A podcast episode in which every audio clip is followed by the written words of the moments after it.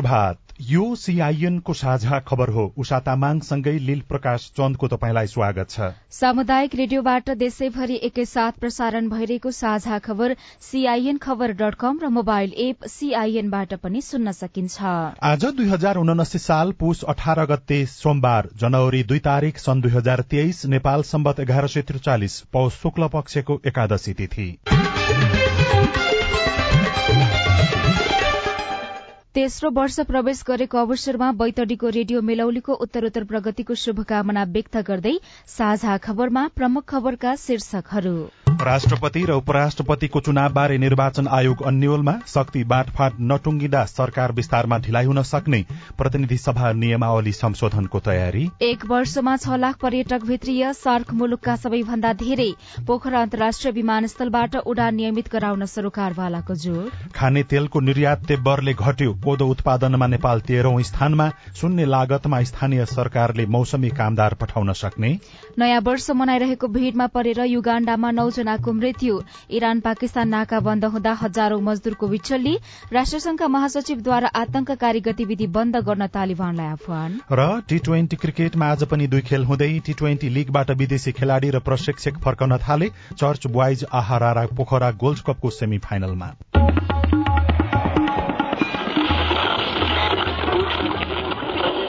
सयौं radio. हजारौं radio कर्मी र करोड़ौं नेपालीको माझमा यो हो सामुदायिक सूचना नेटवर्क सीआईएन साझा खबरको सबैभन्दा शुरूमा नेपाल आउने पर्यटक मध्ये सबैभन्दा धेरै सार्क मुलुकका रहेको प्रसंग कोरोना महामारीपछि सबैभन्दा धेरै पर्यटक नेपाल भित्रिएका छन्। सन् दुई हजार बाइसमा छ लाख चौध हजार एक सय अडचालिस जना पर्यटक नेपाल भित्रिएका हुन्। कोरोना महामारीपछि यो सबैभन्दा धेरै हो। महामारीका कारण सन् दुई हजार बीसमा शून्य प्राय देखिएको पर्यटक आगमन सन् दुई हजार बाइसमा सुधार भएको छ। नेपाल आउने पर्यटक मध्ये सबैभन्दा धेरै सार्क मुलुकका छन्। सार्क मुलुकका पर्यटकको संख्या दुई लाख छ्यालिस हजार रहेका छन्। यस्तै युरोपेली मुलुकबाट एक लाख तेत्तीस हजार जना र अमेरिकी मुलुक मुलुकका छयासी हजार पर्यटक नेपाल आएका नेपाल पर्यटन बोर्डले जानकारी दिएको छ। बोर्डका कार्यकारी निर्देशक धनञ्जय रेग्मीले महामारीपछि तुलनात्मक रूपमा पर्यटक आगमनमा सुधार हुँदै गएकाले पर्यटन क्षेत्र थप चलायमान बन्दै गएको बताउनुभयो। पछिल्लो समय भारतीय पर्यटकको आगमन थप सुधार देखिएको छ। कोरोनाका कारण लामो समय घरभित्रै सीमित रहेकाहरू विस्तारै भ्रमणमा निस्कन लागेकाले पर्यटन आगमनमा थप सुधार हुँदै जाने रेग्मीको विश्वास छ। भारतसँगका जिल्लाका एक्काइसवटै नाकामा सड़क मार्गबाट आउने पर्यटक धेरै रहेको र तथ्याङ्कमा नआएपछि सड़क मार्गबाट आउने पर्यटकको संख्या समेत गणना ल्याउन गृह मन्त्रालयसँग तथ्याङ्क राख्ने तयारी भइरहेको उहाँले जानकारी दिनुभयो।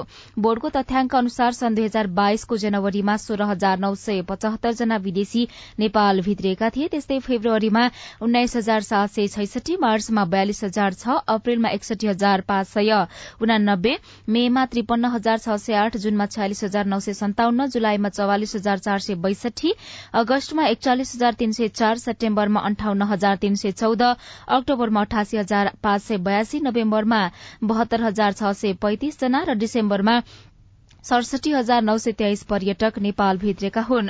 कोरोना महामारी शुरू हुनु अघिका तीन महिनामा मात्रै दुई लाख भन्दा पर्यटक नेपाल आएकामा महामारीपछि त्यो संख्या शून्यमा झरेको थियो तर पछिल्लो एक वर्षमा भने पर्यटन क्षेत्र लयमा फर्कन लागेको देखिएको छ।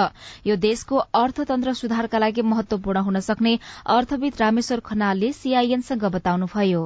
दुई हजार उन्नाइसमा पर्यटन क्षेत्रको समष्टिगत हवाई उड्डयन र पर्यटन क्षेत्रको समष्टिगत इकोनोमिक कन्ट्रिब्युसन चाहिँ सिक्स पोइन्ट सेभेन पर्सेन्ट हो कुल राष्ट्रिय उत्पादनमा होइन त्यसमध्येको थ्री पोइन्ट सेभेन पर्सेन्ट चाहिँ डोमेस्टिक टुरिज्म र हवाई उड्डयनको हो क्या खुद चाहिँ वैदेशिक टुरिज्मबाट आउने भनेको तिन पर्सेन्ट जति मात्रै हो त्यो भनेको राम्रो आएको सालमा दुई हजार उन्नाइसमा उनासी अर्ब आएको थियो सेभेन्टी नाइन बिलियन अब अहिले यो आर्थिक वर्षमा सेभेन्टी नाइन बिलियन छ नपुग्ला यो टु थाउजन्ड ट्वेन्टी टूमा होइन तर यही प्रवृत्ति गयो भने दुई हजार तेइसमा वार्षिक असी अरब भन्दा बढी नाक छ र अलिकति चार पाँच वर्षपछि गएर रेमिटेन्सलाई उसिन्ने होइन कि रेमिटेन्स एउटा विकल्पको रूपमा उभिन सक्छ। यसैबीच पोखरा अन्तर्राष्ट्रिय विमानस्थलको उद्घाटन हिजो गरिएको छ। विमानस्थल सञ्चालनमा आएपछि पोखराको पर्यटन क्षेत्रले थप विकास हुने आशामा स्थानीय बासिन्दा र पर्यटन व्यवसायी उत्साहित भएका छन्।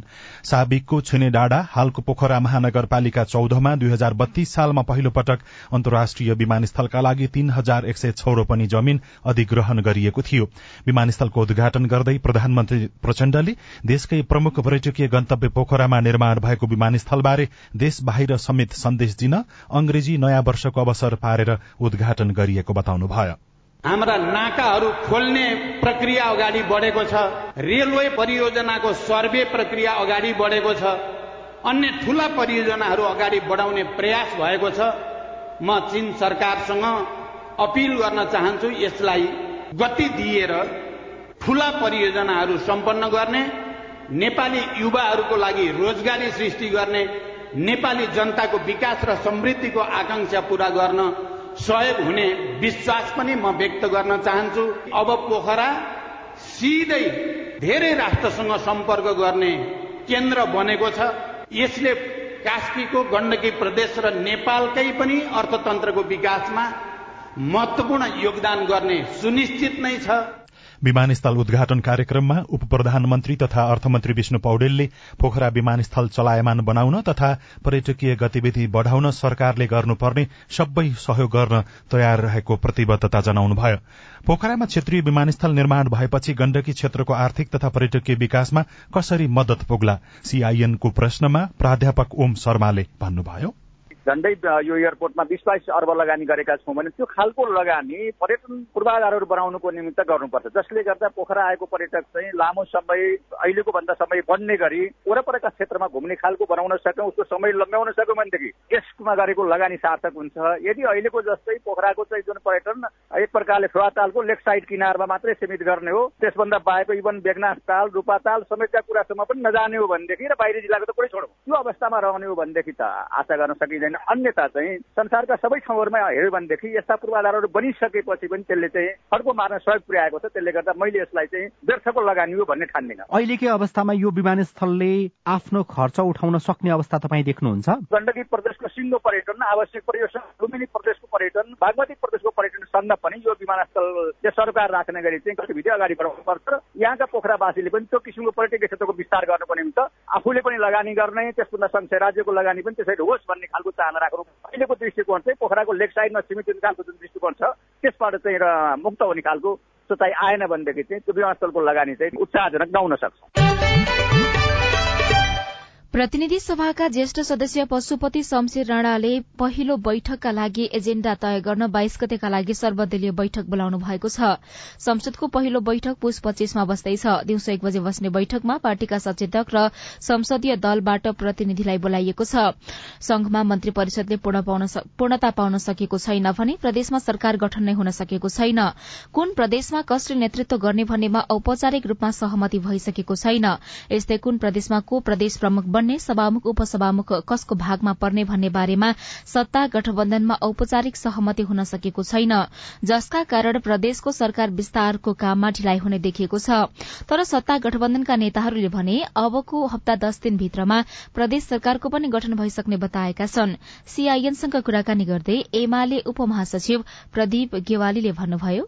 कुनै पनि दलको अब एकल बहुमत त कहीँ पनि छैन होइन त्यसो भएको हुनाले चाहिँ अहिले सत्तामा रहेका दलहरूको बिचमा समझदारी बनाएर अगाडि बढ्नुपर्ने छ त्यो कुरालाई चाहिँ हामीले सहजतापूर्वक नै टुङ्ग्याउँछौँ त्यहाँ दलहरूको प्रदेशमा रहेको उपस्थिति र अहिले सबै दलहरू मिलेर अगाडि बढ्नुपर्ने त्यो भावनालाई ध्यानमा राखेर चाहिँ समझदारीका साथ नै टुङ्ग्याइन्छ प्रदेशको नेतृत्व गर्ने कुराहरू यो एक हप्ताभित्रमा सबै विषयहरू टुङ्गिन्छन् यसैबीच लुम्बिनी प्रदेश सभा सदस्यहरूले हिजो शपथ ग्रहण गरेका छन्। प्रदेश प्रमुख अमिक शेरचनले सांसदहरूलाई शपथ खुवाउनु भएको हो। सांसदहरूले प्रदेशको स्थायी राजधानी देवखुरीमा रहेको प्रदेश सभा भवनमा शपथ खाएका हुन्। प्रदेश नम्बर एक प्रदेश प्रमुख परशुराम खापुङले भने प्रदेश नम्बर एकको मुख्यमन्त्रीका लागि दावी पेश गर्न प्रदेशसभा सदस्यहरूलाई आह्वान गर्नुभएको छ। हिजो प्रदेश प्रमुख खापुङले विज्ञप्ति मार्फत पुष चौविस गतेभित्र मुख्यमन्त्रीका लागि दावी पेश गर्न आह्वान गर्नुभएको हो।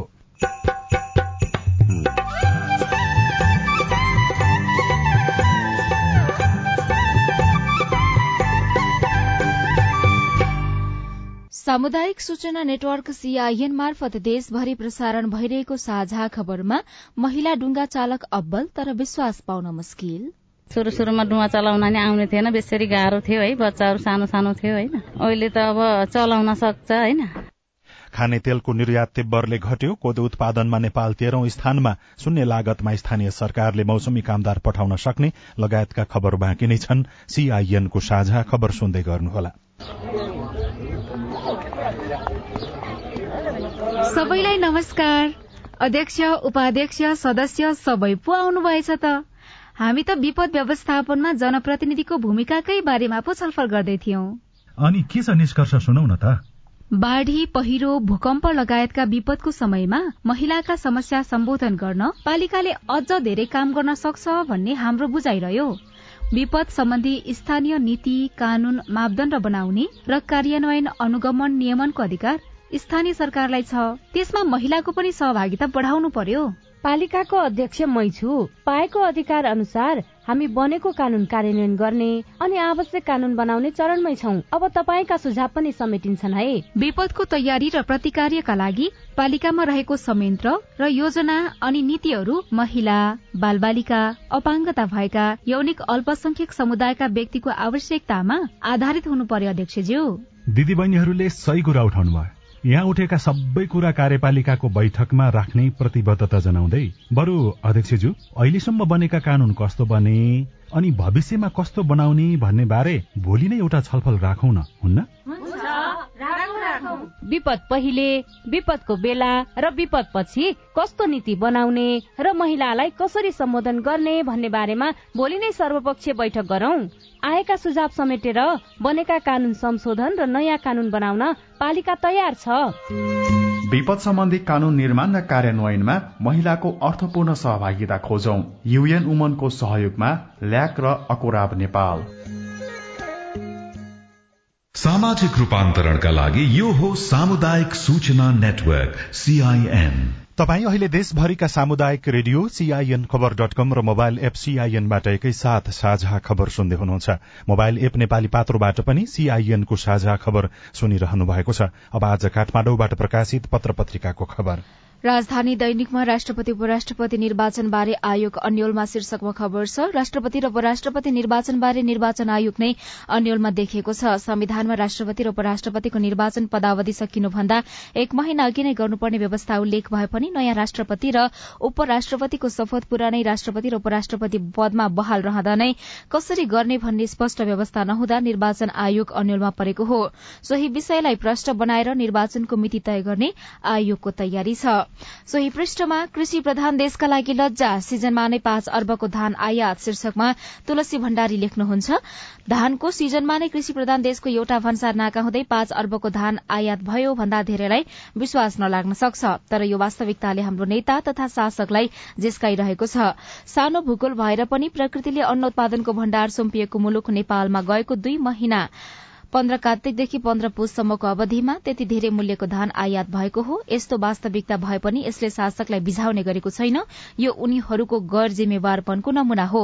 चार दशकको पहिले अन्न निर्यात गर्ने कृषि प्रधान देशका किसानले अहिले भकारीमा धान भित्राउने समयमा व्यापारीले पो विदेशबाट गोदाममा धान चामल भित्राइरहेको दुःखद दृश्य देख्न सकिन्छ। त्यस्तै गोर्खापत्र दैनिकमा कोदो अन्नपूर्ण दैनिकमा कोदो उत्पादनमा नेपाल तेह्रौं नम्बरमा शीर्षकमा खबर छापिएको छ। ममता थापा लेख्नुहुन्छ कोदोलाई अन्तर्राष्ट्रिय स्तरमै प्रवर्धन गर्न लागि छ। फलस्वरूप दुई हजार तेइसलाई अन्तर्राष्ट्रिय कोदोजन्य बाली वर्ष मनाउन शुरू गरिएको छ। नेपालले पनि यसलाई विशेष प्राथमिकता दिँदै देशव्यापी रूपमा कोदोजन्य बाली वर्ष मनाउने भएको छ। यसर्थ खाद्य पोषण सुरक्षा र वातावरण तथा ग्रामीण रूपान्तरणका लागि कोदोजन्य बाली नाराका साथ दुई हजार तेइसलाई कोदोजन्य बाली वर्ष मनाउन लागेको हो। स्वास्थ्य प्रवर्धक स्वास्थ्यवर्धक मौलिक अर्थात रैथाने बालीहरू लोभ हुँदै जान थालेकाले प्रवर्धन गर्न खोजिएको हो। कोदो उत्पादनमा नेपाल तेह्रौं नम्बरमा छ। विश्वमै कोदोजन्य बाली वर्ष मनाउन शुरू गरिएको छ। गोर्खापत्र दैनिकको भित्री पन्नामा तेब्बरले घट्यो खाने तेलको निर्यात। शीर्षकमा लक्ष्मी सापकोटा लेख्नुहुन्छ चालू आर्थिक वर्षको पाँच महिनामा खाने तेल भटमास त्यसै गरी पोम र सूर्यमुखीको निर्यात तेब्बरले घटेको छ। अघिल्लो वर्षको तुलनामा चालू आर्थिक वर्षको पाँच महिनामा यी वस्तुको निर्यात तेब्बरले घटेर अठार अर्ब चौरासी करोड़ रूपियाँमा झरेको छ। गत वर्ष पाँच महिनाको अवधिमा साठी अर्ब सत्ताइस करोड़ रूपियाँ बराबरको निर्यात भएको थियो। कान्तिपुर दैनिकमा बाँसबारीको छ रोपनी जग्गा व्यक्तिका नाममा शीर्षकमा देवेन्द्र भट्टराई र तुफान नेउपानेले लेख्नु भएको छ तीन पटकको नापीमा सरकारी पर्ती जमीन भनेर प्रमाणित गरिएको काठमाडौँ महानगरपालिका चार बाँसबारीको छ रोपनी जमीन एका एक व्यक्तिको नाममा हक कायम गरिएको पाइएको छ। काठमाडौँ महानगरपालिकाको साबिक वडा नम्बर तेइसको कित्तान नम्बर नब्बेको उक्त जग्गा दुई हजार एक दुई हजार बाइस र दुई हजार चौवालिस सालमा गरी तीन पटकको नापीमा पर्ती प्रमाणित भएको थियो। काठमाडौँ जिल्ला अदालतको आदेशले सरकारी जग्गा व्यक्तिका नाममा दर्ता फैसला गर्ने न्यायाधीश देवी प्रसाद ओली सर्वोच्चमा तानिए तर कार्यवाही भएन भनेर उल्लेख गरिएको छ। भित्री पन्नामा भागबण्डा मिलाउन तीन मन्त्रालय फुटाउने तयारी शीर्षकमा खबर छ। युवा तथा खेलकुद शिक्षा विज्ञान तथा प्रविधि र भौतिक पूर्वाधार तथा यातायात मन्त्रालय टुक्राउनको लागि छलफल भइरहेको भनेर प्रकाश धौलाकोटीले लेख्नु भएको छ। जसपा अझै अनिर्णित बनेको खबर कुल चन्द्र नेउपानेले लेख्नु भएको छ। भित्री पन्नामा अवकाश लिइसकेका उपरथीलाई सर्वोच्चले फर्कायो शीर्षकमा जगदीश्वर पाण्डेले लेख्नु भएको छ अन्ठाउन्न वर्ष उमेर हद पूरा गरी यही पुष बीसमा नियमित अवकाशमा जान लागेका उपरथी प्रेम शाहीलाई थप एक वर्ष पदमा रहने बाटो खुलेको हो। नयाँ पत्रिका दैनिकमा शून्य लागतमा स्थानीय सरकारले नै मौसमी कामदार पठाउन सक्ने शीर्षकमा मुना कुवर लेख्नुहुन्छ।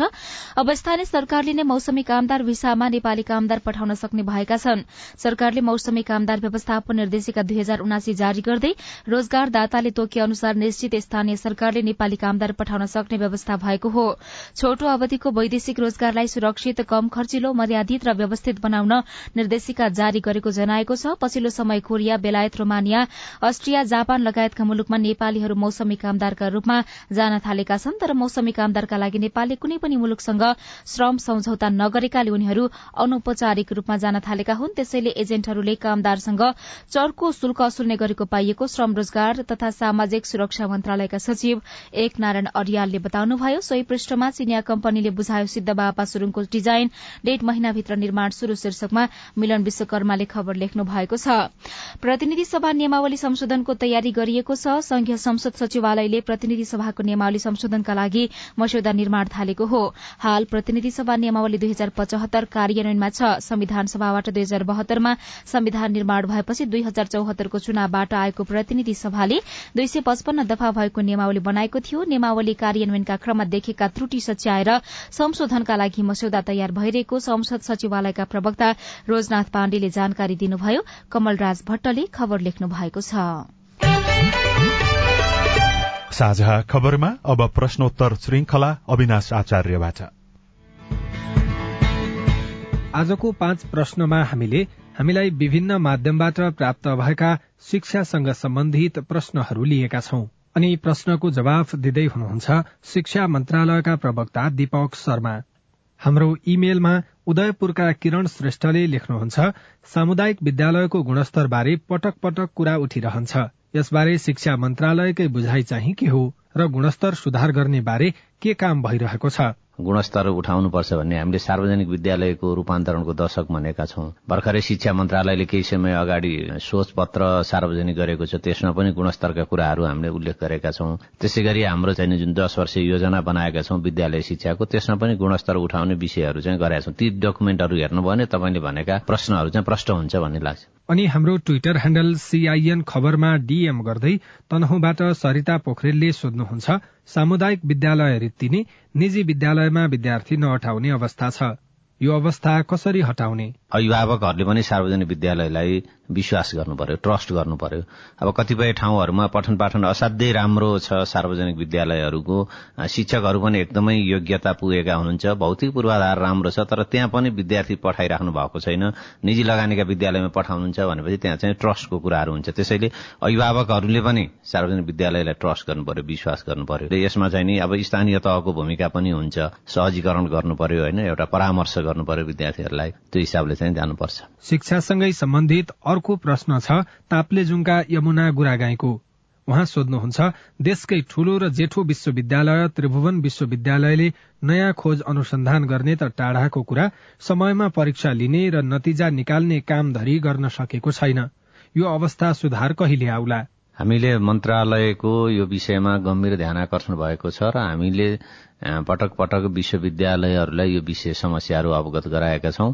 विश्वविद्यालय अनुदान आयोगसँग पनि हामीले चाहिँ कुराकानीहरू गरिरहेका छौं। मुख्यत विश्वविद्यालयले नै कार्ययोजना बनाएर गर्नुपर्ने विषय हो। फुर्वा तामाङ नाम गरेका एकजना श्रोताले इमेल मार्फत सोध्नु भएको छ नेपालबाट उच्च शिक्षाका लागि वार्षिक लाखौं विद्यार्थी बाहिरिरहेका छन्। शिक्षाको गुणस्तर वृद्धि गर्न सके यी मध्ये धेरैलाई स्वदेशमै रोक्न सकिन्थ्यो होला। यसले एकातिर पैसाको बचत हुन्थ्यो अर्कोतिर त्यो जनशक्तिले देशभित्रै योगदान गर्न सक्थे। यसबारे मन्त्रालयको सोचाइ के हो? कतिपय विषयहरू यहाँ गुणस्तरीय भएका विषयहरू पनि त बाहिर गएको छ नि। त्यो चाहिँ बाहिर जाने पनि कस्तोमा बाहिर जाने कुन विषयमा बाहिर जाने कुन विषयमा बाहिर नजाने भन्ने कुरो चाहिँ जाने विद्यार्थीहरूले अभिभावकहरूले पनि विचार गर्नु पर्यो। विश्वविद्यालयहरूले उच्च शिक्षा प्रदान गर्ने निकायहरूले आफ्नो शैक्षिक कार्यक्रमहरूलाई त्यो अनुसार सुधार पनि गर्नु पर्यो चाहिँ दुइटै कुरा हुन्छ। अनि मुगुका प्रवीण शाहीले सीआईएनको फेसबुक पेजमा म्यासेज मार्फत सोध्नुहुन्छ शिक्षा क्षेत्र अहिलेका लागि मात्र होइन भविष्यका लागि पनि एकदमै महत्वपूर्ण क्षेत्र हो। तर यो क्षेत्र अनेकौं व्यथिति र समस्याको चाङले थिचिएको छ।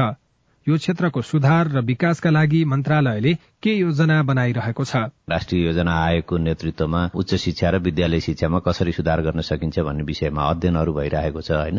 यो चाहिँ सबै मिलेर किनभने धेरै ठूलो क्षेत्र भएको हुनाले अलिक जटिल समस्याहरू देखिन्छन्। तर त्यसलाई हामीले निराकरण गर्दै गएका छौं। कतिपय समस्याहरू अहिले पनि छन् त्यसलाई चाहिँ हल गर्दै जानुपर्ने अवस्था चाहिँ हो। तपाई जुनसुकै बेला हाम्रो टेलिफोन नम्बर शून्य एक बान्न साठी छ चार छमा फोन गरेर आफ्नो प्रश्न जिज्ञासा गुनासा तथा प्रतिक्रिया रेकर्ड गर्न सक्नुहुन्छ। साझा खबरमा अब विदेशका खबर। नयाँ वर्ष मनाउन आयोजित कार्यक्रममा भागदौड़ र ठेलमठेल हुँदा युगाण्डामा नौजनाको मृत्यु भएको छ। मृत्यु हुनेमा अधिकांश बाल बालिका छन्। कोविड महामारी शुरू भए यता युगाण्डामा पहिलो पटक भीड़ जम्मा हुने अनुमति दिइएको थियो। घटनाबारे सरकारले अनुसन्धान शुरू गरेको छ। इरान पाकिस्तान सीमामा पर्ने तप्थन नाका बन्द हुँदा हजारौं मजदूरको विचल्य भएको छ। पाकिस्तानका संचार माध्यमका अनुसार एक वर्ष अघिदेखि सो नाका ठप्प हुँदा हजारौं मजदूरहरू बेरोजगार भएका हुन्। केही समय अघि सो क्षेत्रमा नयाँ पूर्वाधार एवं संरचना निर्माण गरिएको भए पनि सरकारले नाका बन्द गरिदिँदा स्थानीयको जीवनयापनमा समस्या परेको छ। संयुक्त राष्ट्र संघका महासचिव एन्टोनियो गुटेरसले अफगानिस्तानबाट हुने आतंककारी गतिविधि बन्द गर्न तालिबानलाई आह्वान गर्नुभएको छ। पाकिस्तानमा पछिल्लो समय बढ़दै गएका आतंककारी गतिविधिप्रति चिन्ता व्यक्त गर्दै महासचिवले अफगान भूमिबाट सञ्चालित हुने क्रियाकलापबाट छिमेकी मुलुकमा समेत उच्च जोखिम रहेको उल्लेख गर्नुभयो।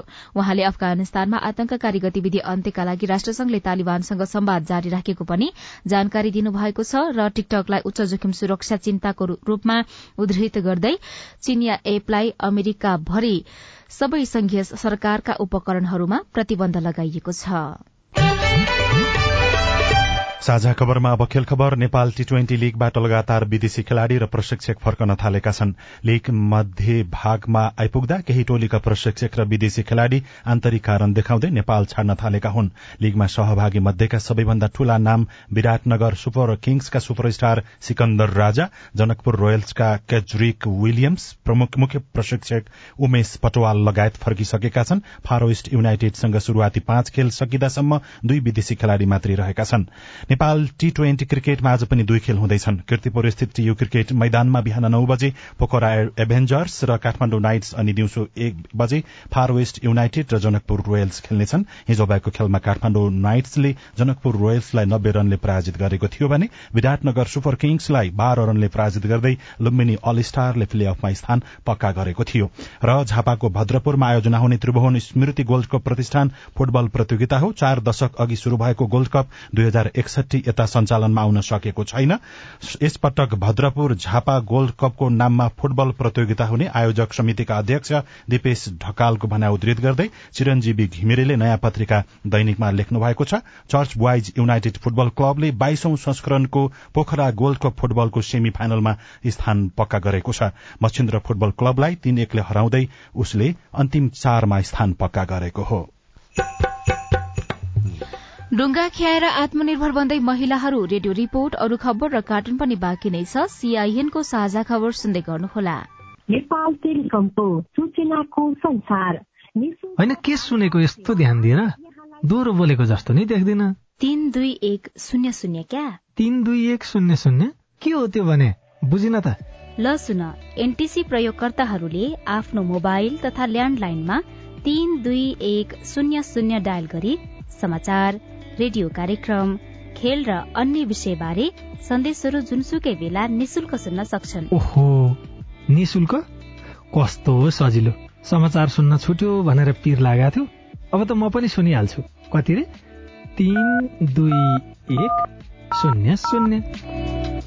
सामाजिक रूपान्तरणका लागि यो हो सामुदायिक सूचना नेटवर्क सीआईएन साझा खबरमा अब डुङ्गा चलाउने महिलाहरूको कथा। तालहरूको शहरका रूपमा परिचित पोखरा पुगेपछि प्राय सबै जसोको रहर हुन्छ डुङ्गा चढ्नु तर डुङ्गा चलाउनेहरूमा महिला बीसजना मात्रै छन्। फेवातालमा पहिलो पटक डुङ्गा खियाउँदा लक्ष्मी कार्कीको उमेर बिस वर्षको थियो। खाली डुवा लिएर मन्दिरसम्म यसो डुलियो एक दुई फेर। यस्तै रहेछ भनेर अनुभव भयो क्या पानीमाथि तैरिँदा सुरुमा डर लागेन त? होइन अब सबै साथीहरू त लागेन मलाई। त्यस यता पानीमा हेलिँदै उत्रिँदै जीवनका सैतिसवटा वसन्त बिते। लक्ष्मी र लक्ष्मीको डुङ्गालाई भरोसा गरेर कैयौं मानिसहरूले फेवातालको सैर गरे। सायद दशौं हजारले। यसमा खाना लाउनको दुखो दुब्लो भएन। यिनै बराजी माताले पाल्नु भयो तालले अहिलेसम्म त्यही नै। कमाइ अब दिन त्यही हजार बाह्र सय हुन्थ्यो धेरै हुँदाखेरि। सुरु सुरुमा फेवातालमा महिलालाई डुङ्गा चलाउने अनुमति थिएन। लक्ष्मीले बहना खियाउँदै फेवातालको फन्को मार्ने रहर पूरा गर्न खुब मेहनत गर्नु पर्यो चलाउन दिनुहुन्न भन्ने पनि भन्न नि हुन्थ्यो र नराम्रो पनि सोध्नुहुन्थ्यो है हाम्रो यहाँको भाइ छोराहरूले। तर हामी पछि हटेनौँ के? तपाईँहरूको मात्रै हो। हाम्रो होइन हामीले गरेर खान पर्दैन। छोड्नुहोस् भने हाम्रो एउटा अध्यक्षज्यू हुनुहुन्छ। महिलाले पनि चलाउनु पाउनुपर्छ भनेर उहाँले पनि अलिक भनिदिनु भयो। अनि त्यहाँबाट त्यो पाइन्न भन्न चाहिने डुवा चलाउनु पाउन्न महिलाले भनेर हामी पछि हटेनौँ हामी लडेर चढायौँ विवाह गरेर स्याङ्जाबाट पोखरा झरेपछि मिना भुजेललाई फेवातालले मोहनी लगायो। बीस वर्षको तन्नेरी उमेरमै डुङ्गा चलाउन थाल्नु भएका मिना व्यावसायिक डुङ्गा चालक बनेको एक दशक नाघिसक्यो। घरमा बस्दा पहिला सुरु सुरुमा डुवा चलाउन नि आउने थिएन बेसरी गाह्रो थियो है बच्चाहरू सानो सानो थियो होइन। अहिले त अब चलाउन सक्छ होइन।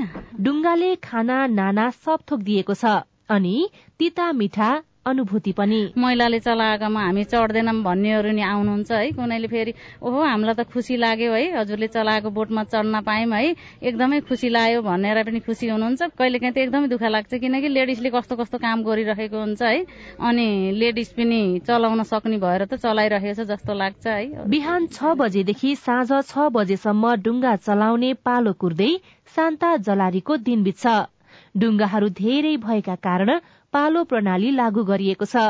दिनभरि कुर्दा कुनै दिन बढ़ीमा छ पटकसम्म पालो आउँछ भने कहिले काहीँ त पाले आउँदैन। डुङ्गा चलाएकै भरमा छ जनाको परिवार पाल्ने शान्ता नियमित आमदानी नहुँदा ढुक्क हुन नसकिने बताउनुहुन्छ। अनि पुग्छ घर खर्च? नपुगे नि के बाध्यता गरी डुङ्गा चलाउनु पर्यो। आफ्नो पेसा छैन है। डुङ्गा व्यवसायी समितिका अनुसार करिब दुई हजार बयालिस सालबाट तीनजना महिलाले व्यावसायिक रूपमा डुङ्गा चलाउन थालेका थिए। पछि झण्डै पचास जना पुगेको महिला डुङ्गा चालकको संख्या अहिले बीसमा झरेको छ।